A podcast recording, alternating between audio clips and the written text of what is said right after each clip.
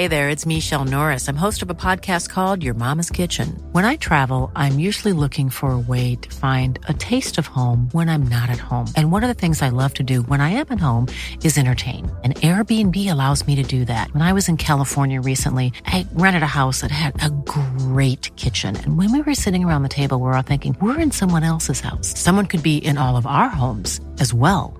If you have a home, but you're not always at home, you have an Airbnb. Your home might be worth more than you think. Find out how much at airbnb.com/slash host.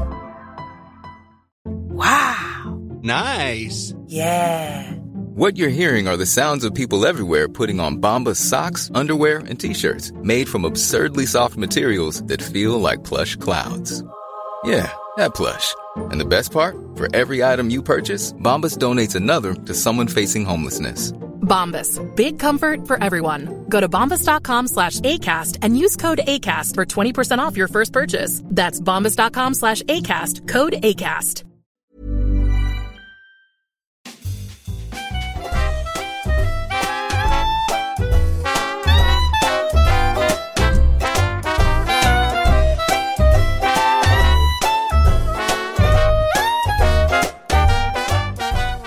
Välkommen till ett nytt avsnitt av Fotbollskanalen Topp 5. Leo, nu kör vi på distans här och det ska bli riktigt roligt. Det är distans på ett sätt. Distansskott kanske blir också. Lite snack om det, jag vet inte.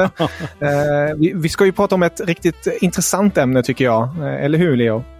Ja, men det kan man säga. Alltså, vi har ju en gäst som förpliktigar här, för idag ska vi prata om topp fem avslutare i Allsvenskan på 2000-talet. Och det kan ju kännas rätt smalt, men jag har suttit med den här researchen och liksom det är ett ganska brett urval där, för det finns ganska många bra avslutare på, på 2000-talet. Men vi får väl se vad vår gäst säger om det. Mm, och det är inte vilken gäst som helst som vi har med oss som ska presentera sin lista på det hela. Det är nämligen John Alvbåger, den före detta allsvenska stjärnan och som befinner sig nu i Norge, eller hur? Det stämmer bra. Jag befinner mig i Sarpsborg, eh, nära svenska gränsen här och eh, är ju målvaktstränare här tillsammans eh, med övriga i ledarstaben som är bland annat med allsvensk koppling då. då jag tänker på Stefan Billborn, eh, Jocke Björklund och Magnus Edlund som ja, de allsvenska supportrarna säkert känner till. Mm. Och Det känns ju extra roligt att ha med dig till ett sånt här ämne. Leo kommer ju självklart presentera sin lista utifrån hans erfarenhet och expertis och subjektivitet. Men att ha med dig som bokstavligen har levt och mött dessa avslutare, det, det är ju en extra krydda på det hela. Jag hoppas det och jag kommer bjuda på bara egna upplevelser såklart. Ni kommer säkert hitta spelare och avslutare som kanske har bättre statistik och som har eh, varit längre i serien eller ja, vad vet jag vad ni baserar på. Men jag baserar enbart på eh, mina egna upplevelser, känslor och eh, eh då kanske en och annan bubblare kan dyka upp här. Ja, vi får väl se. Ja, vad kul. Vad, eh, för det, jag, tycker, jag vet inte vad du känner om, men jag tycker det var så här när jag gjorde det här urvalet som du är inne på, att jag har liksom brottats med att hitta statistik och siffror som talar för respektive spelare, men också brottats med bara det här som du är inne på. Och du har ju en helt annan nivå, för du har ju mött dem och spelat med och mot dem. Men, men liksom brottats med det rent personliga. Jag har ju upplevt dem som först supporter och sen som journalist, att så här, den här spelaren, han, han, han var liksom absolut bästa avslutaren. Och sen har man grottat ner sig i siffror så bara, ah, han kanske inte var det. Och det är så svårt att väga vad som är, mm. det finns inget rätt och fel. Det är egentligen bara den här, jag menar, när känsla möter statistik egentligen. Ja, men det är ju det. Och min är ju mest känslobaserat då egentligen. Och då, då visst, jag har en numrerad topp eh, fem-lista. Och eh, sen har jag en eh, utanför det en onumrerad som jag bara snabbt eh, tänkte sen namedroppa. För det är många jag har mött som inte när jag märkte är med på den här topp 5-listan som jag måste ändå nämna vid namn. Det blir någon slags, eh, det blir någon slags eh, snabbgenomgång på en lista, säg eh, 10 till 5 som är onumrerad. Sen blir det en eh, där jag, okej, okay, då numrerar jag 5 till 1 då. Och eh, det är ju stora namn när jag märker dem och eh, när jag märker och går igenom, absolut. Och vissa har varit bara tuffa, kanske rent fysiskt, fula jävlar på, med, med eh, liksom glimten i ögat såklart. Eh, men eh, sen är det ju några som kanske bara är extremt vassa avslutsmässigt. Några kanske inte ens kommer med på den här topp 5-listan för att eh, de kanske inte ens har gjort så mycket mål. Alltså förstår ni vad jag menar? Alltså det, det, det är lite olika baserat utifrån mina känslor sen som jag tänkte bara gå igenom här. så, mm. För det är några med som inte har gjort mycket mål på mig men som jag ändå upplevt som fan det är en tuff jävla motståndare liksom. Så ja, vi får se hur, hur det artar sig här va. Mm, underbart ju. Då tycker jag att vi är preppade och börjar då helt enkelt med din nummer fem John. Plats fem. Jo, eh, nej men min nummer fem, om vi går direkt dit, det är Lasse Nilsson som eh, vi alla kanske minns. Och eh, han eh, har ju, är ju still going strong eh, utanför fotbollen. Lämnade ju nyss sitt yrke här som sportchef i Norrby och, och sådär. Men fotbollsmässigt så är vi båda födda eh, 82, den gyllene generationen. Nej, men vi, så vi har mött och spelat eh, med och mot sen vi var ja, i juniorålder i och med att vi träffades första gången på någon juniorlandslagssamling. Så jag har ju följt Lasses karriär och han fick en väldigt fin eh, utlandssejour också. Men, och jag har även mött honom utanför allsvenskan, bland annat i danska ligan och så vidare. Och jag tyckte från första stund när jag träffade honom på de här juniorlandslagssamlingarna att här är något extra. Han kom som ett yrväder och dök upp eh, Ja, men han dök upp lite, jag var ganska etablerad där, varit med i pojklandslag och så kom Lasse direkt in och bara, ja, körde på. Jag, jag tycker det är eh, bara med kärlek eh, när jag säger att det är en stor, vad ska man kalla det för, eh, fördel om du är forward och mest går på instinkt och inte tänker så mycket. Eh, Lasse är ju jävligt intelligent spelare också, men jag uppfattar han som att han bara körde. Han eh, kanske var mot slutet av karriären när han tappade lite av sin speed kanske som han började tänka. Men innan när han nådde sin peak och var utomlands och var en hotande forward konstant i allsvenskan. Han körde ju bara på och det man snackar om idag med high intensive runs och så vidare. Det kanske man inte snackar så mycket om eh, på, på den här tiden när jag spelade, och spelade mot Lasse Nilsson. Men han var ju tidig med det. Alltså fan vad han löpte. Alltså statistiskt sett brukar man ju snacka idag att var sjunde löpning som forward så kanske man brukar få en passning. Det är viktigt helt enkelt att ta de här löpningarna för sig själv och laget.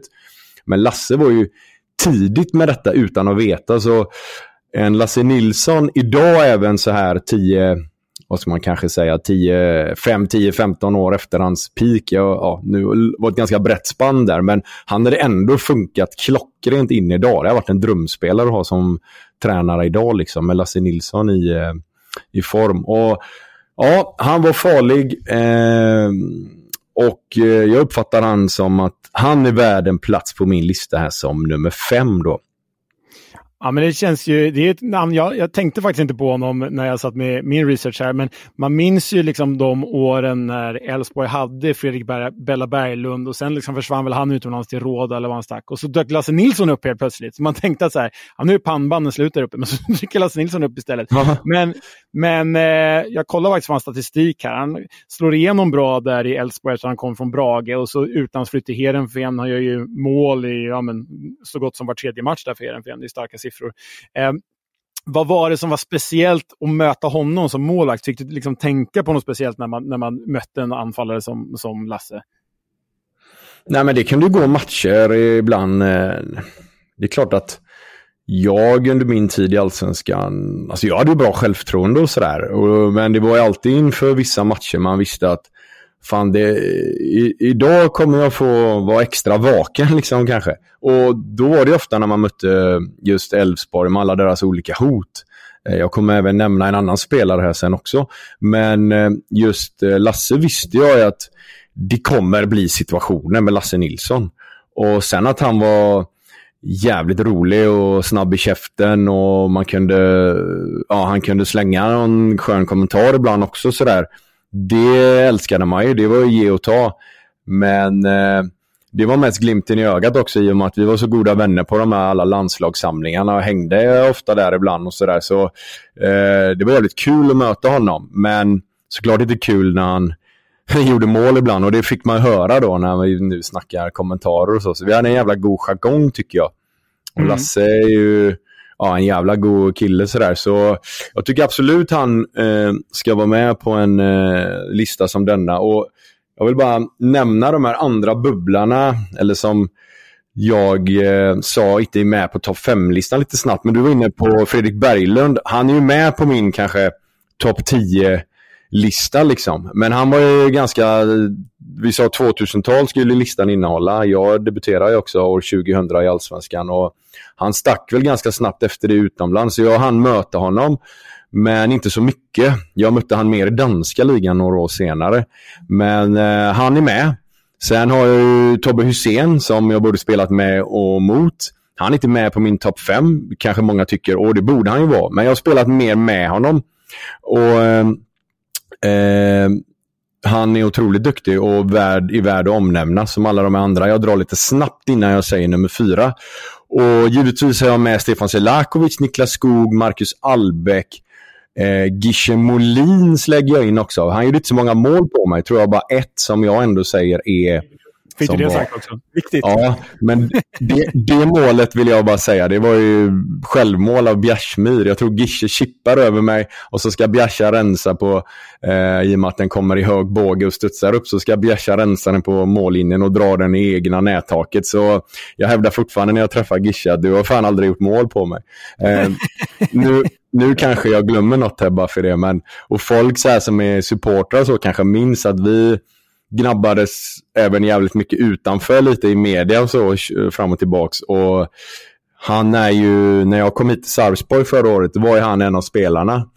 Och då lärde vi känna oss utanför plan. Och det var ju bara ren kärlek och eh, folk, Malmö-supportrar, Blåvitt-supportrar kanske tror sådär att ah, fan de hatar varandra, Sicken jävla vad de höll på och tjafsa i media och så. Men Gische är ju en kille idag så här efter karriären som jag bara verkligen tycker om och är, en helt underbar kille. Och den här hatkärleken lagen emellan tycker jag man ska göra mer. Jag kanske lite onödigt ibland slängde lite väl mycket bensin på någon eld ibland, men fan sånt ger också både lite krydda runt omkring matcherna och sen lite krydda när det väl gäller matcher och jag tror också fans och sånt gillar det med när man ändå ja, bjuder lite på sig själv tänkte jag säga. Men eh, så där fick jag nämnt några då som bör vara med, eh, som jag inte går in så mycket mer på, men som är så jävla duktiga. Och då har jag inte ens nämnt Lasse Vibe, men han har jag inte spelat mot. Men han borde nämnas också. Han skulle nog varit topp tre, absolut, om jag hade mött honom. För jävlar vad duktig han var. Men eh, han är inte med på min topp fem som jag nu kommer återkomma till i och med att jag hade han eh, eh, ja, med i mitt egna lag helt enkelt. Ja. Så. Riktigt fina bubblare där. Ja. Leo, eh, no något du fastnar för eller vill du gå på din femte plats direkt innan vi går på Jans fjärde? Jag, innan, innan jag går vidare på femman, på min femma, så vill jag egentligen bara höra vad som var så speciellt med Lasse Vibe. Då. Liksom, stod han ut på träningar och sådär också? Eller hur, hur, eh, vad var grejen med honom? Med grejen med honom var, jag nämnde kanske ordet yrvärde lite kring Lasse Nilsson förut, men eh, Lasse Vibe var ju dels kanske en av de mest intelligenta spelarna utanför plan. Och han var ju, kanske inte många tänker på, att han var ju en ledare liksom, i omklädningsrummet och runt. Alltså, eh, man tänker mest på plan så här, som supporter, att han var jävligt vass och, eh, och sådär och jobbade hårt och gjorde mycket mål och så. Men han var ju tar du hela paketet Lasse Vibe så var det ju som människa helt fantastisk. Eh, så, eh, men spelmässigt så, han var ju en sån som, om man snackar hög press och sådär, han, han kunde ju göra, liksom, han kunde ju med sin egna press, one man press kunde han ju eh, vara ett helvete för motståndarna. Så ibland när det kanske var inspark för eh, motståndarlaget och man själv passade på att ta lite vatten eller någonting och sen skulle titta på insparken. Så är plötsligt så har vad fan hände? Så har Lasse vunnit någon jävla, eh, något motlägg och skapat en hörna till oss eller någonting. Jag vet, han gjorde ju mål på det sättet med, så han måste ju varit ett helvete att möta. Dels med sin intelligens och speed, sen att han också avslutade på alla möjliga sätt. Han var inte, tänker man Lasse Wibe så, han var inte så snabb, men han var inte långsamt. Han, han kunde inte skjuta så bra, men han är inget dåligt. Alltså han var så här, average på allt, men med hans jävla skalle och intelligens så blev alla de här average eh, stat, ja, average-kunskapen eh, topp. Alltså han sköt ju tåfjuttar som eh, nästan var en utdöd teknik på eh, ett sätt som eh, var liksom enastående och sköt i lägen när man som målvakt inte var beredd. Du kanske hade vikten på fel fot och tänkte att nu kommer det inte skott i detta läget. Men han var så oberäknelig så han sköt ju när man minst anade och, eh, och gick på allting. Han var ju hur många matcher som helst. Han bara huggde på returer. Alltså vem är där liksom eh, när det väl gäller? Jo, men då var ju Lasse där. Så eh, nej, han var ju en dröm att ha i sitt egna lag, absolut. Mm, ja, härligt. Mm. Eh, få lite skön inblick där också. Men Leo, vem hittar vi på din femte plats? Alltså jag önskar att det hade varit en till Lasse, för då hade vi kunnat göra en topp fem Lasse-topplista. Ja. Men eh, nej, jag, jag går faktiskt, eh, jag håller mig i, i dina eh, Göteborgskrokar här egentligen John. Jag vet inte om du, du någonsin fick äran att spela med den här anfallaren, för han har ju precis som du varit i både Västra Frölunda och IFK Göteborg. Jag vet inte om ni var där samtidigt, men jag är inne på Gustav Andersson. Mm. Ja. Är någon som är honom? Ja, jag, jag, jag tränade med honom innan han blev såld till Blåvitt och eh, sen mötte jag honom mycket, framförallt när han var i Helsingborg. Eh, så där har du helt rätt. Han kanske man borde haft med på någon lista och jag gillar att du har med honom, absolut. Dels för att jag, nu var det länge sedan jag träffade honom, det var ju många, många år sedan, men det var ju lite av en bohemtyp sådär. Jag tror han jobbade som lärare eller någonting också under hans elitkarriär och var jävligt mm. smart och hade liksom så här skön klädstil liksom. Kom med så här um, rutiga byxor och sådana här grejer liksom som man kanske inte alltid alla andra hade på sig. Han, han gick han var ju så långt ifrån den här typen som kom med Louis Vuitton eh, om du förstår mig, som sen kanske blev någon slags norm som jag själv hatar liksom. Och i alla fall inte tyckte om. Men eh, han var ju bara störtskön. Och så sen, eh, i och med att jag känner han både sen Frölunda då han verkligen var eh, ingen nästan tänkte jag säga och blev något sen. Alltså det är klart att en liten klubb som Frölunda och Går man till Göteborg blir det jävla stort och så sen Helsingborg, där blir han ju verkligen stjärnforward och gjorde det bra där. Och eh, nej, eh, han tyckte jag var rätt kraftfull alltså. Jag tyckte han kom med en närvaro och eh, eh, som, alltså han, det var power kring honom. Han var faktiskt rätt snabb men jag uppfattade honom som ganska kraftfull och rätt allround. Jag tycker han, nu kanske jag har fel men jag tycker han var ganska bra på huvudet och sådana saker också. Liksom. Och eh, kunde lite stånga sig, stånga sig fram, inte bara djupledsspelare. Så eh, jag tyckte han... Men lite så här, jag kan känna att han är lite bortglömd och lite ja. Eh, underskattad så här i efterhand. För jag menar, i Västra Frölunda, där gör han ju alltså mål i var tredje match. Mm. Går den här ganska uppmärksammade trippelaffären till Blåvitt. Det är väl han... Ganska, den var ju väldigt uppmärksamma. Ja. Ja. ja eh, till Blåvitt. Där gör han ju liksom 24 mål på 65 matcher. Det är mm. ett otroligt jäkla snitt. Absolut. Och sen då i HIF, där han tyvärr blev skadad, men ändå bildade par med Alvaro om jag minns rätt. Och så här, jag känner att mång, de som faktiskt minns honom kommer väl ihåg liksom kanske one-touch-avsluten, att han dök upp på rätt plats vid rätt tillfälle och liksom stötte in den i nät. Mm. Men jag har tittat på gamla bilder och liksom, du vet, du nämnde tåfjutt tidigare. Det här är ju tåfjuttare. Han kör ja. bredsida, han kör vriskskott, han kör huvudet. Men också, när man tittar på gamla highlights på honom, så dyker det upp ett par chippar och lobbar. Och mm. det är mm. ju liksom ett register som man inte alls minns honom för, eh, känner jag. Så det här är liksom, jag vet inte, rent spelmässigt en så klassisk allsvensk avslutare som tyvärr nog inte så många kommer ihåg. Men Gustav Andersson var, eh, han tyckte det var ett jäkla S när han var, var som bäst där mm. i Blåvitt och, och HIF egentligen. Nej, du har helt rätt. Uh, han borde jag ju nämnt. Och medan du pratar och nämner Alvaro Santos, han har ju inte ens nämnt här. Och det får man ju söka om en till brasse. Ailton Almeida minns jag. Jag har inte heller ja, men jag har inte nämnt dem och tänkt så mycket på dem. Men uh, jag måste bara när vi har detta ämnet nämna deras namn i alla fall. Sen att de inte är med på min topp fem så Eh, jävlar vad duktiga. Även om jag inte personligen har mött dem så mycket. Ailton var ju med när han var i FCK och jag var i Viborg. Men, men eh, de tåls att nämnas när vi pratar grymma avslutare och duktiga forwards. Men eh, Gustav Andersson, helt rätt. Eh, han bör nämnas också. Du hade med han på din femte plats här sa du då, eller vad sa du Leo? Ja. Mm, mm, exakt, det är min femte. Ja, grymt. Cool fact a crocodile can't stick out its tongue. Also, you can get health insurance for a month or just under a year in some states. United Healthcare short term insurance plans, underwritten by Golden Rule Insurance Company, offer flexible, budget friendly coverage for you. Learn more at uh1.com.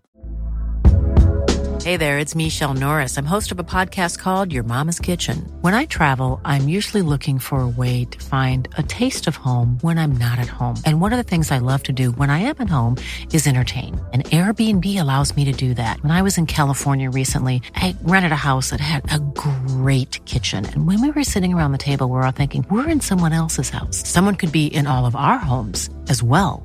If you have a home, but you're not always at home, you have an Airbnb.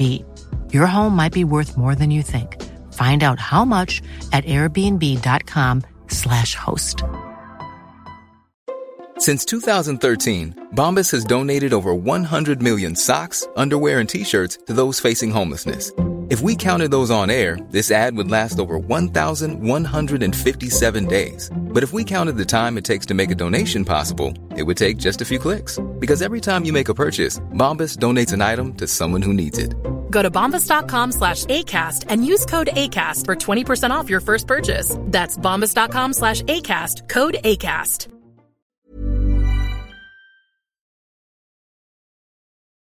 Plats fyra. Två starka femmor och många fler namn där till. Men om vi går tillbaka till din lista då John. Vem hittar vi då på din fjärde plats? Jo, eh, här är också lite under samma genre som Gustav Andersson. Just som du nämnde Leo, att det här är en spelare som jag inte vill ska bli bortglömd. Och då tänkte jag eh, att eh, då tar jag med honom på min lista. Och där tycker jag han, eh, en topp 5-lista tycker jag han ska vara med med all rätt också. Så missförstå mig rätt här nu. Det är inte någon sån här eh, bara jag är inte bara snäll här och tar med honom. Jag tycker absolut han passar. Och då är det Hasse Berggren. Eh, oh, oh, underbar favoritspelare. Ja, Fortsätt. Nej, men då, då kanske ni tänker så här, eh, ja, men, eh, men vad då? Jag minns bara alltid, det var främst när jag var i ÖSK och han var i, eh, han var i Elfsborg som vi tampades. Och jag vet, han gjorde nästan mål på mig, inte varje match. Det var väl någon gång jag stängde igen butiken också när vi möttes tror jag. Men Eh, han var ju ett par då med Lasse Nilsson och jävlar eh, vad, eh, vad de eh, körde. Och jag, jag, tycker Berggren var ju då lite äldre och den kanske lite mer bollmottagaren och Lasse stack djupet hit och dit. Och så sen mötte man dem även när kanske inte Lasse var med och inte Hasse var med. Men Hasse Berggren eh, tycker jag är välförtjänt med på listan i och med att han eh, där snackar jag bara avslut nästan. Det är klart att han var smart i spelet och allting, men när han fick bollen rättvänd mot mål, då visste man att nu blir det farligt här va. Och han kunde dra utsidan, insidan, tåfjötten. Han hade liksom hela spektrat. Ja, han kunde säkert dra en klack när han var, inte var rättvänd mot mål heller.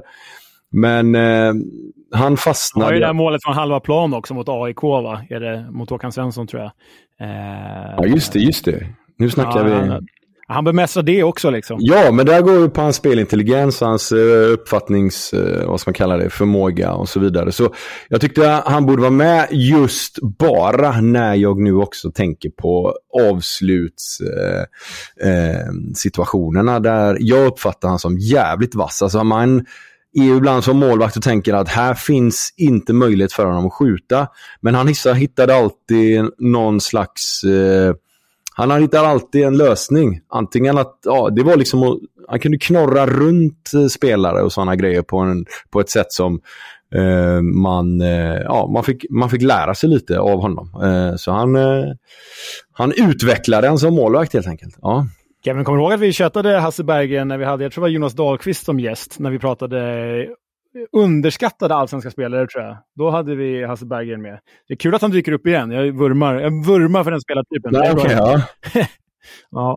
ja. men han är fin på alla sätt och vis. Sen, eh, det har inget, jo det har ju med plan att göra också, men det är ju en otroligt trevlig människa liksom. Eh, så eh, får man säga det också. Så på något sätt man har mött många svin också sådär med glimten i ögat, med, med kärlek säger jag det. Men Hasse Berggren var ju bara likeable liksom. Han var ju helt underbar. Alltså, ja, verkligen.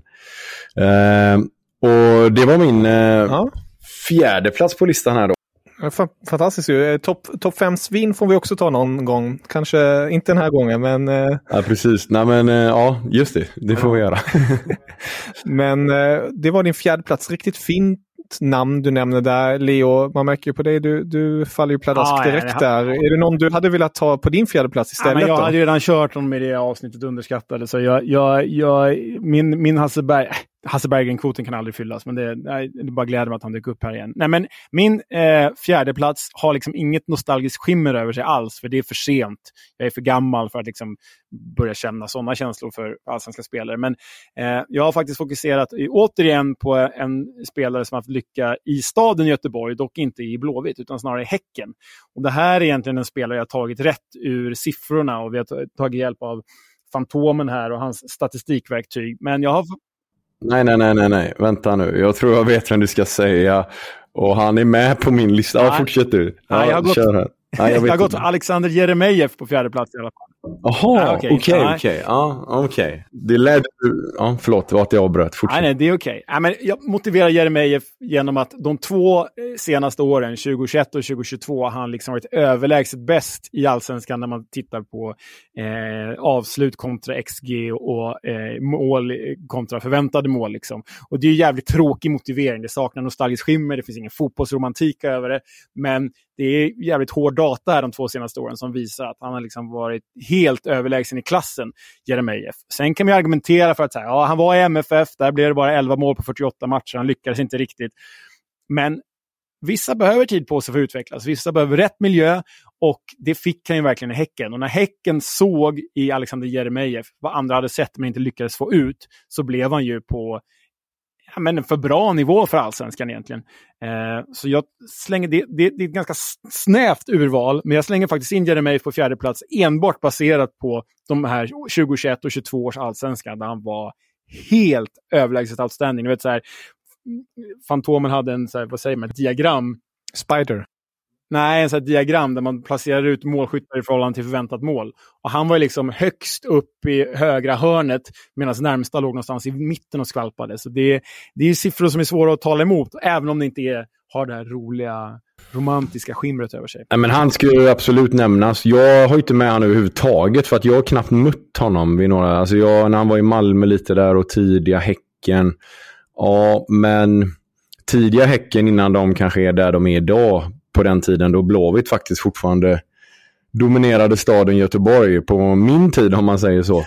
då, eh, vi förlorade aldrig, jag förlorade aldrig mot Häcken på när jag var i Blåvitt. Liksom. Max oavgjort och det var ju katastrof. Idag är det ju helt andra, helt andra tider. Ja, ändå var det ju 2016, min sista säsong var det väl i Blåvitt. Så det har hänt mycket på kort tid om man säger så. Eh, så Jeremejeff, grymt du nämner honom, eh, men eh, som ni har hört, de, alla namn jag har nämnt är inte ens med, utan jag har ju en an, jag har annan Häckenkille här på min tredje plats faktiskt. Så jag tänkte du skulle, men jag fattar ju sen när du säger Jeremejeff att det var inte han du menar såklart. Men, eh, så jag har eh, ja, jag har en Häckenspelare på tredje plats. Um, vill du berätta lite mera? Så att, eh, Leo, jag är lite vassare där på allsvenska spelare. Kanske kan gissa fram vem det är sen. Mm.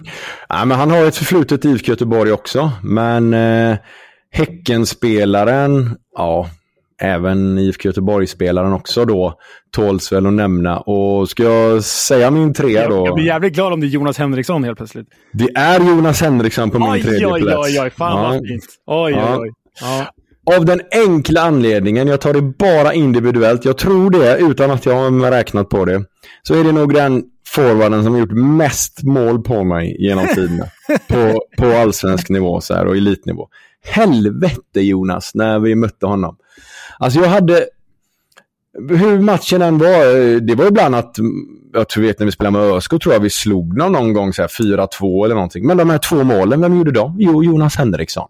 och förlorade vi så här med 3-1 eller någonting om man var på gamla Rambergsvallen eller någonting. Ja, vem gjorde minst två mål eller tre liksom? Så var det Jonas Henriksson.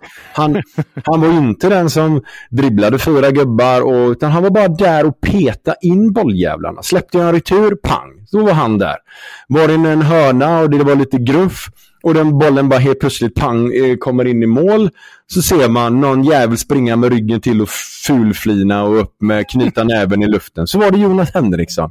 Men helvete Jonas, jag sa det till honom jämt. Vad är det med dig och mig? Det, du gör alltid mål på mig.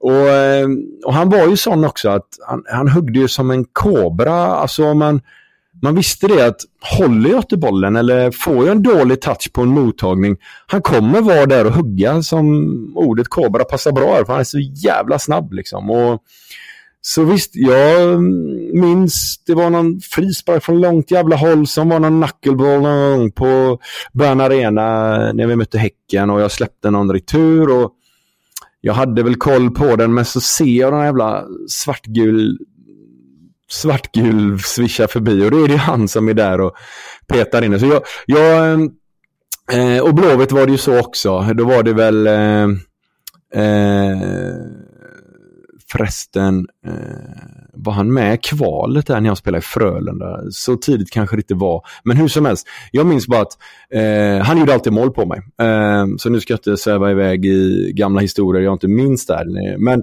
men det jag minns i alla fall från Jonas Henriksson, han måste vara med på den här listan. Eh, jobbig jävel, punkt. Ja. Det var en eh, fin beskrivning, jobbig jävel. Ja, fantastiskt. Ja, ja. ja. Men sådana har man ju då. Nu, nu, har jag aldrig spelat på allsvensk nivå eller så, men man vet ju själv när man i vissa sammanhang möter någon och eh, den personen i fråga på något sätt alltid får in det mot en och man undrar hur fasiken går det till? Eh, och det, det är din gubbe där, Jonas Henriksson. Ja, ett yrväder. Och så sen bara tåls att nämna, jag har varit inne lite vid sidan av, det är ju inte alltid supportrar så kanske har koll hur det är i omklädningsrum och så. Men Jonas Henriksson är ju en sån gubbe som lite omedvetet, även medvetet, killen är ju bright och smart och har lyckats väl utanför fotbollen. Men han var bara, eh, han var bara rolig i allt eh, han eh, begav sig. Liksom. Han, de största garven man nästan haft i omklädningsrum eller, eller du vet på träningsläger och så har ju han varit Jonas som bara har eh, öppnat käften liksom. Så han, man har otroligt många goda, goda minnen med honom och sådär. För jag har ju spelat med honom också i IFK Göteborg en liten session och så med. Så eh, nej, eh, det är bara eh, det är bara med kärlek när jag säger en jobbig jävel och skulle Jonas lyssna på detta då kommer han ju fatta exakt vad jag menar. Så ingen, så ingen missuppfattar där att jag utan det, det, men lite underskattat tror jag han är hos den gemene mannen som eh, gillar allsvenskan. Alltså hade Jonas varit en spelare idag, eh, i Häcken idag till exempel, då hade han ju blivit plockad. Alltså jag menar man gjorde så mycket mål idag som man gjorde förr eh, på den tiden han spelade. Då tror jag han hade blivit upplockad av någon utländsk klubb. Och hade han gjort det avtrycket han gjorde i Häcken och okej, okay, han var i Göteborg, men säg i... Ja, han var ju samtidigt i Göteborg, en stor klubb. Men jag menar, eh, han hade inte varit lika underskattad om han hade haft den historiken i en större klubb än vad han har i BK Häcken, om ni nu förstår mig rätt där, vad jag menar lite där. Ja, att, ja. Eh, det var ett annat Häcken då. Men jävla ja, likeable spelare alltså. Jag kommer ihåg att man, ja. eh, jag och mina vänner när vi växte upp tittade ju mycket på honom och tyckte han var jäkligt spännande och sådär. Och gör väl mål typ i var tredje match för Häcken. Och det här är ju ett dåligt Häcken, så det är, ja, det är imponerande. Mm. Men vem hittar vi då på din tredje plats, Leo? Eh, jo, nej, men jag kände väl tyvärr att jag var tvungen att ha med en eh, ha med en MFF-spelare här, va? Eh, trots att jag är HIF-are. Men det är ju vad det är. Och då kände jag så här, Peter Idje eller Niklas Skog? Ska jag ta med Peter Idje eller ska jag ta Niklas Skog? Och Niklas Skog kan jag känna hade ett bredare register än Peter Idje. Han kunde chippa in bollen, han kunde peta in den, han kunde skjuta in den. Eh, min kollega eh, Olle kallade eh, Niklas Skog häromdagen för allsvenskans Wayne Rooney. Jag tycker det ligger någonting i det. Men det betyder inte att det är Niklas Skog jag har på tredjeplatsen, utan jag har faktiskt Peter Idje på tredjeplatsen. Eh, och här kan vi snacka om en ganska kort peak. Men när han var som bäst, och då snackar vi MFF-åren förstås, så var han ju en allsvenskans Filippo Inzaghi. 38 mål på 60 matcher i Malmö och han liksom dök upp som gubben i lådan överallt, rundade varenda jäkla målvakt, la in den i öppen kasse, petade in den, tåfjuttade in den. Eh, Sen, sen kanske, jag vet inte, spelar ni tillsammans i Göteborg, John? För där gick det inte lika bra som det gjorde i Malmö.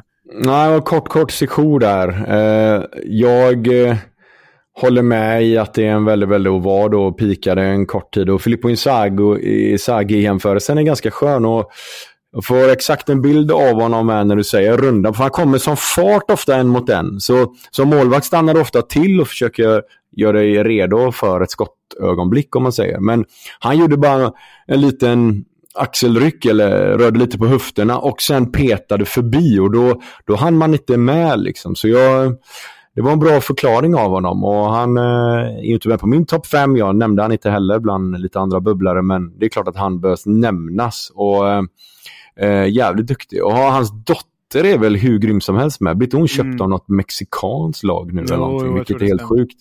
Eh, nej men så, eh, det är kul att vi nämner honom för han eh, han är lite kultspelare samtidigt. För det... kan man säga. Nummer 100 i Blåvitt. ja, precis. Som allt det är nu av presentationen där, Mats Persson och Stora Teatern och allt det där som sen blev som det blev. Men, eh...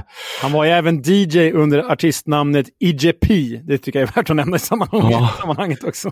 Ja, men jag vet, han var extremt troende också och kom under den korta tiden vi spelade med varandra i Blåvitt så vet jag att eh, han var någon pastor eller någonting. Han hade vi träning på söndagar om det var, tror jag han inte kunde vara med eller om man ens kom då. Ibland, eller om man kom i någon sån här fin eh, kostym och bibeln under armen liksom till träningarna. Eh, sådär. Och, eh, en fin man på alla sätt och vis. Väldigt lugn och så. Men om vi snackar skog bara så är det en spelare som eh, om jag bara byter spelare ganska snabbt där. Då jag, hade med, jag hade med Niklas Skog bland mina sådana här ja, onumrerade topp 10-lirare om, om ni nu hörde hans namn förut. Där tåls att nämna, där är nog kanske den bästa forwarden när det gäller till det felvända spelet. Man luras lite av att han eh, kanske inte var världens största, längsta sådär, men han var otroligt satt och kompakt och med det menar jag att eh, han hade ju några jävla teknik med sin jävla hockeyröv tänkte jag säga, att hålla emot. Nej, men han var så jävla bra i det felvända ja, ja, ja. och sen att kunna komma rättvänd. Backarna som gick upp rygg på honom, de kunde inte komma åt och han vände ju bort eh, mittbackar på ett sätt som eh, var unikt, eller fortfarande är unikt eh, på allsvensk nivå. Där är han nog den starkaste genom tiderna. Liksom. Så och jag minns ju han även från ÖSK-tiden såklart. Eh, så nej, jävlar var... Och Frölunda, så det vet ju jag med. Han, det var bara synd att han tog bort sin målgest som han hade i Frölunda sen när han kom till... Jävla cool. Den var ju legendarisk, men han var ja, kanske ja. tvungen att lägga av, annars fick han väl eh, hjärnskakningar eller någonting. Vad ska vi kalla den? Fallet liksom? Eller vad, vad, vad ja. kallar den för? Han bara föll liksom. Han bara föll ihop. Synd att den försvann. För målgester generellt tycker jag, det, det är lite utdött. Och det, hade jag själv varit forward, man ju varit målvakt i alla år och drömt lite om att någon gång få göra mål och så. Och fan, eh, mer målgester tycker jag generellt. Alltså. Det, ja, det, det tåls väl att nämnas i detta sammanhanget. Så är du forward, så fan fira och gör något gött. Varför inte ta tillbaks Niklas Skogs eller någonting. För, ja, nej. Alltså, om vår tyska vän Kevin här, tar, tar du Kevin den tyska kopplingen på Niklas Skog? Nej, tyvärr inte. Han har ju spelat i Duisburg och Nürnberg. Attans, ja, den borde jag tagit. Det borde ja, jag tagit. Nürnberg kommer jag ihåg, men Duisburg minns jag. Just det, ja. just det. Ja, ja. just det. Ja. Härligt, äh, härligt med målgester. Det borde också vara topp fem-lista. Topp fem, ja, det kan bästa målgester. Top fem målgester. Ja. Ja. ja, men är lite, lite utdött. Alltså bara lite snabbt där. Har jag fel eller, i min spaning? Eller har det inte lite... Jag skulle väl säga att det, det blivit lite mer som att det finns vissa stora stjärnor som har målgester. Jag tänker på Ronaldo då eller en Rashford. Ja, och sen ta flera efter just den mm. målgesten. Det är ju mm. cringe och det är säkert ja. cringe att jag säger mm. ordet, att jag använder ordet cringe. Men, men det är lite det som har hänt tror jag tyvärr. Alltså man vill ju ha sin egen målgest. Man vill ha en Miroslav mm. Klose som voltar eller, mm. eller Luca Toni med, Luca Toni med, med härliga öron, eh, höj volymen, gesten och sånt. Så det, mm. nej, jag håller med dig. Du, du är något på spåret där. Definitivt. Ja, ja. Mm. Men eh, nu ska vi se här, så jag tänkte, det här var din trea Leo. Korrekt. Eh, eller hur? Så då hoppar vi till din tvåa. Nu, nu närmar vi oss toppen här John. Plats två. Ja, men då närmar vi oss toppen. Och innan jag nämner namnet på min tvåa så är det ju så att eh, här är ju en komplett spelare, en spelare som jag både spelat med återigen i pojklandslag och U21 och A-landslag och vi är födda samma år och eh, han är ju då den mest framgångsrika så kallade hemvändaren genom alla tider och när jag menar komplett så menar jag att han var bra i spelet, han var en bra målskytt, han var en bra ledare för sitt lag. Han eh, var eh, respekterad av alla motståndare och fans och så vidare. Och givetvis då som målvakt så ja, jag tyckte ju om att möta honom i och med att det var en god kille och så, men man visste att fan, idag blir det en tuff och svår match i och med att man skulle möta honom. Så på andra plats på min lista så har vi Marcus Rosenberg. Eh, jajamän. Ja. Ja. Och, eh, nej, men han har gjort mål, många mål på mig också, eh, såklart. Eh, har det inte varit straffar så har det varit i det vanliga spelet och så vidare. Och eh, Vass avslutare, ja, jo, men eh, jag märkte ju då, för det hände ju något efter han var utlånad till Halmstad, eh, kom tillbaka till MFF, blev såld till Ajax och så sen blev det ju den här sektionen även i Tyskland, eh, i, i, i, i Bremen. Bremen. ja. Och då var jag med ganska mycket i landslaget under den perioden. Och herregud, vad grym han var. Det jag menar, det hände något var att när jag var med med han innan i så här, både juniorlandslag och U21 och sådär, så var han duktig men stack inte ut sådär. Han var bra, vass, absolut. Men någonting i hans utveckling som tog han då från att vara en duktig, allsvensk, ung, lovande till att bli en internationell forward med, med spets. Liksom. Alltså verkligen duktig. Han gjorde ju avtryck i Bundesliga och även i ett Ajax som då var jävligt bra. Så någonting hände ju där i hans utveckling. Och det fick jag uppleva själv i och med att jag inte spelade i holländska eller i Bundesliga tyvärr, men jag var med i landslaget mycket då. Och jävlar vad duktig han var och på att avsluta med båda fötterna, huvudet och sköt hårt. Alltså placera hårt. Annars när man spelat med många så är det i och med att man får stå ofta på när forward ska träna avslut och sånt så är det ofta sådär, ja men placera in dem bara. Det räcker att passa in dem i hörnorna hör man ofta tränaren säga. Men Rosenberg var en sån som, han dunkar ju in dem, alltså med kvalitet. Så det var ju så här, okej, okay, det är väl det som krävs då för Bundesliga-nivå, ungefär tänkte man då mm. som keeper.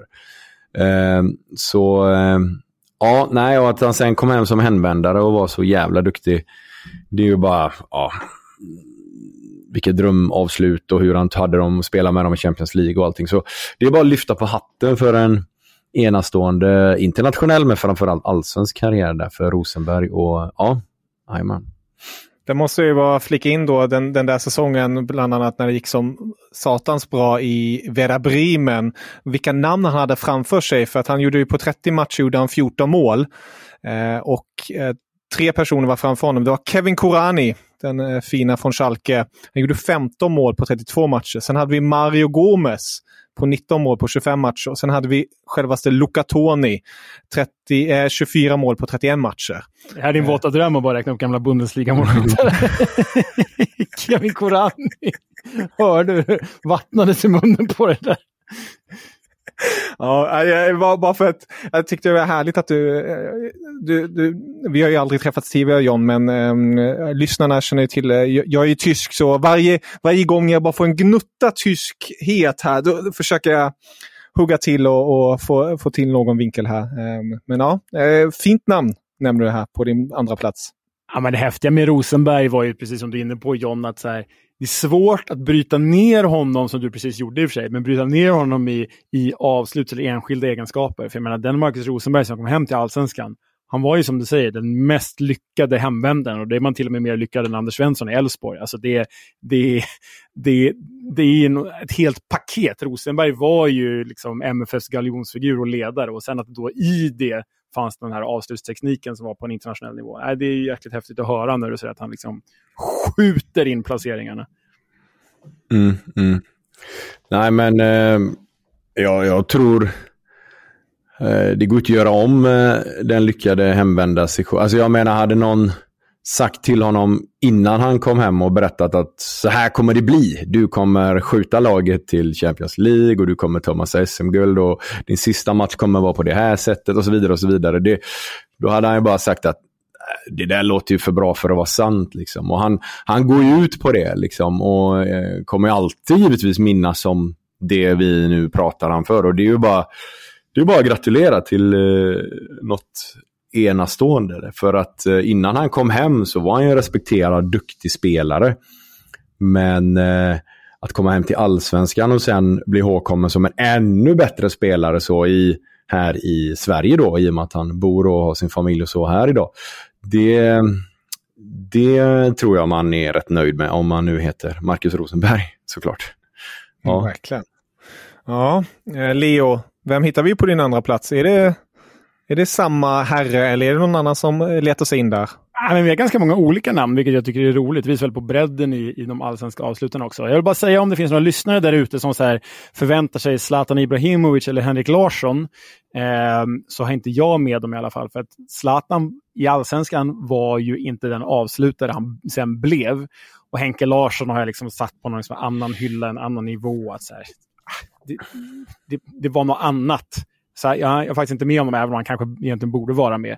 Men, ja, men det är bra att du nämner honom. Men vi får inte glömma att han eh, allsvenska trippen senast, här, Henke, alltså det var ju då han varvade innebandy samtidigt. Kommer ni ihåg det? Det är ju, det är helt, det är helt otroligt. Det är ja. helt... Ja. ja. United innebandy på samma halvår, det är starkt. Ja, det är, ja.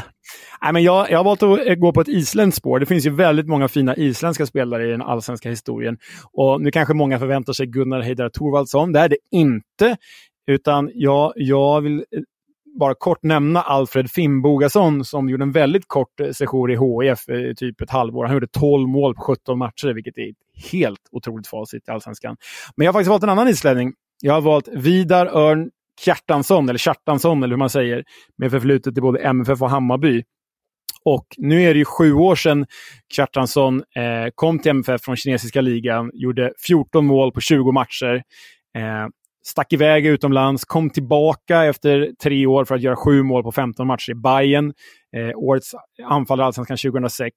Det här var ju liksom en sån jäkla måltjuv som bara var på rätt plats på rätt tillfälle hela jäkla tiden. Och jag kanske tänker framförallt mest på det här liksom genombrottet han fick i MFF när han gör det här hattricket mot Häcken och sen lossnade det. liksom.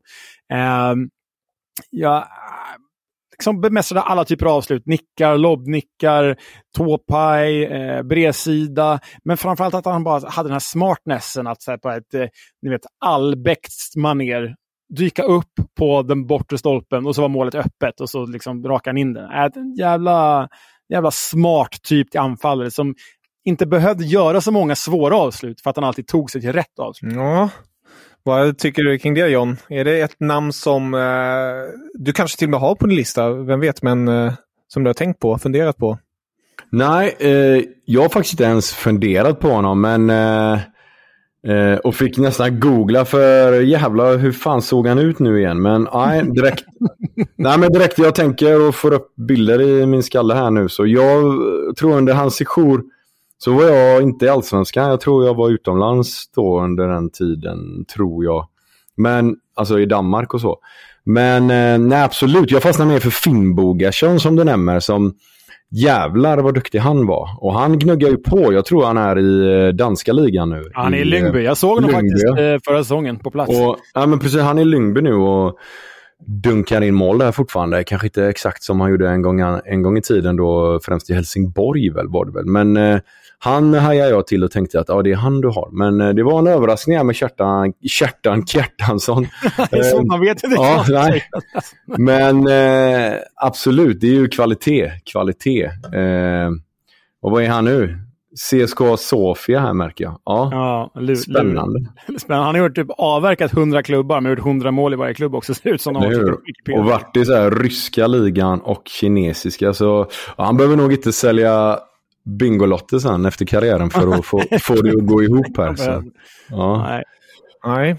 Ja, Men då kommer vi till, eh, till en sista plats där, John. Vem hittar vi? Vem, vem kröns som eh, allsvenskans vassaste avslutare under 2000-talet? på din subjektiva lista? Ja, eh, på min subjektiva lista och emotionella lista så tar jag det namnet som först dök upp när jag tänkte kvalitet, avslutare, otroligt duktig spelare helt enkelt. Det var liksom det första namnet. Han måste ju vara med och till slut när jag skulle ja, rangordna dem hela tänkte jag nej, han måste komma överst för att eh, fotbollsmässigt så var det också den bästa. Och det är Afonso Alves. Eh, för att eh, jag tror han gjorde något mål på mig och han var ju Ja, dels ÖIS då absolut minns ju många honom, men jag tänker ju MFF där, då han efter det stack till Holland och sen eh, dunkade in massa mål i Middlesbrough och så vidare och inte fick kanske den karriären man trodde, även om han vad gjorde han i holländska ligan någon gång? Sju mål i en och samma match. Men, eh, och Middlesbrough så blev det ju inte alls så som man hade önskat. Men tar jag bara honom som råämne, eh, spelare, avslutare, eh, allting, beslutsfattande, taktiskt, tekniskt framför allt, så måste han vara på första plats. För att eh, det var något annat helt enkelt. Och han pratade jag hårdhet och hur man placerar skott och så när vi hade Rosenberg. Så hade ju Afonso Alves den här, ja det är ju lätt att ta den brasilianska kopplingen, men han hade ju den här knorren också. Alltså, det var kanske bara ett skott från distans, men stod du i mål och såg bollbanan, då var det att du, du ska bara ha tur om du, om, du, om du eh, dels kan greppa men knappt fånga bollen. För att det var knuckleballarna, alltså knuckleballs liksom. Alltså rik, riktiga knorr. Och de kom hårt och det var med kvalitet. Och han var så jävla lugn alltså. Det var ju eh, det här med att man skapar tid åt sig själv. Fotboll är ju egentligen ett kontant, konstant spel och, och, och en fight om tid. Att ha kunna ha mycket tid och stjäla tid av motståndare och så vidare. och så vidare. Men han lyckades alltid ha gott om tid, hur lugn som helst. Han stressade aldrig upp och det, eh, det säger mycket om, eh, om hur duktig han var. Eh, att kunna skapa sig tid och så vidare. Så nej, han, han, ja, han måste vara nummer ett för mig bara. Så, så får det bli. Ja, Alfonso Alves har ju nämnts tidigare i poddens historia, eller hur Leo? Ja, men jag tror att det var när vi listade de bästa anfallarna i Allsvenskan på 2000-talet. Så mm. vem, jag vem gjorde vi det? Var det med Tobias Jag tror vi tog Importer var det väl, med Tobias Hysén? Importer, där var han ja. etta ja. Just Allsvenska det. Importer, ja. Så var det. Ja, eh, och där var han ju etta förstås. Och eh, jag, jag bara skriver under på allt du säger. Nu har jag, jag inte upplevt Afonso som du har gjort John, men som liksom åskådare så var jag Afonso en nivå, två nivåer över allt annat. Han var ju, som vi nämnde med Rosenberg till exempel, ett helt paket. Det här var ju inte bara en avslutare, det var ju en artist, ett geni, mm. en konstnär, en lagspelare, en ledare. Äh, han var ju så fruktansvärt bra och hade ju det här att han även kunde raka in ett par frisparkar per match också. Alltså, Nej, men otrolig. Och egentligen skriver jag under på, på, på allt där. Och egentligen kanske han borde vara etta på min också. Men jag kände att eftersom att jag har liksom hyllat honom så mycket i ett ja, annat ja. avsnitt är han, är han inte min etta. Eh, men, men jag, jag skriver verkligen Inte ens med på, på din lista. Nej, precis. Nej, men Afonso, jag får väl sitta med dumstruten här att jag inte har honom på den här listan. Men är det rätt John? Afonso Alves, absolut. Ja. Men vem hittar sig in på din första plats då, Leo? Ja, men här har jag verkligen stirrat mig blind på avslutstekniken. Bara avsluten och en väldigt, väldigt, väldigt kort peak. Eh, för det var ju så att det kom en spelare med ganska stora meriter eh, till allsvenskan runt, vad kan det ha varit, 2004, 2003, något sånt där. Eh, han har gjort mål för Panathinaikos i Champions League och man visste inte riktigt vad man kunde vänta sig. Och så får han spela, debutera för HBK, Igor Polacken Sypniewski. Och eh, man förstod inte riktigt vad som hände. Man hade ju inte riktigt sett de här målen förut. Han liksom körde tappins från en centimeter blandade han med att köra så här sanslöst halvvolleyskott från 30 meter mot Landskrona. Han eh, en volley i debuten tror jag borta mot AIK som sitter som en smäck i samma match rundan. Håkan Svensson som jag nu nämnt två gånger i den här podden, stackars Håkan. Eh, eh, och liksom rakar in den. Eh, och gör liksom mål i varannan match för HBK där, 10 på 21. Och sen blir det en total flopp i Malmö och vi vet att han har väldigt liksom, ett liv kantat av missbruk och tyvärr gick han ju bort förra året. Så det är en väldigt sorglig och tragisk historia. så. Men den där piken i HBK, alltså jag, jag, jag vet inte, förutom möjligtvis Afonso Alves då, om vi har sett någon annan anfallare i allsvenskan på 2000-talet bemästra avslutstekniken så som Sypniewski gjorde. Nej, du har helt rätt i, för listan är ju så som du säger, avslutare. Och återigen, jag tar det från målvakts, alltså med handskarna på vid, vid kortlinjen. Liksom. Där kollar jag. Och alla de här fantastiska avsluten du nämner har ju inte drabbat mig om man säger, även om jag tror, jag för mig han gjorde ett mål när vi när jag spelade med Örebro 2003 eller någonting, när han, hans sista år kanske det var i Halmstad. Då tror jag han tåade in någon boll eh, faktiskt förbi mig. Tänkte inte så mycket mer på det då än att han kändes jävligt vass och vi hade pratat om honom innan. Ändå lyckades han göra ett mål. Men eh, ja, nu när du bildligt talar om vissa mål han gjorde så ser jag, du snackar om den här halvvolleyn och så vidare. Och nej, så jag eh, håller med dig och eh, tycker även i och med hans bortgång och så vidare att det är både fint och viktigt att ta upp honom. För att eh, killen hade ju uppenbarliga problem som man tycker är synd att man inte kunde eh, hjälpt honom med på bättre sätt. Även om jag säkert tror folk har försökt och så vidare. Vad, det har ju inte vi koll på. Men eh, jävlar vad duktig han var som du säger. Nej, precis, det var... Han är all värd. Han är verkligen värd att vara med här på listan, absolut. Ja, man undrar ju vad det blivit av honom om, om man inte hade haft sin sjukdomsbild. Alltså för de där, de där matcherna i HBK. Alltså då, jag kommer ihåg att jag, vi satt då, hur gammal var jag då? Jag var väl 16 kanske. Något sånt, och bara, det här, det här är en annan nivå. Snart spelar han väl i Arsenal, liksom. vad är känslan? Ja, men ja. det blev det ju inte riktigt. Mm. Ja, det var två riktigt fina och minst sagt profilstarka listor ni bjöd på här. Eh, John, riktigt roligt att ha med dig och också få en inblick från ditt perspektiv. För det, det blir ju en så mycket större extra krydda på det hela eh, när, när man också har varit bokstavligen med i fighten eller mött de här spelarna. Eh, det är väldigt intressant att få höra dina tankar eh, och din syn på det hela.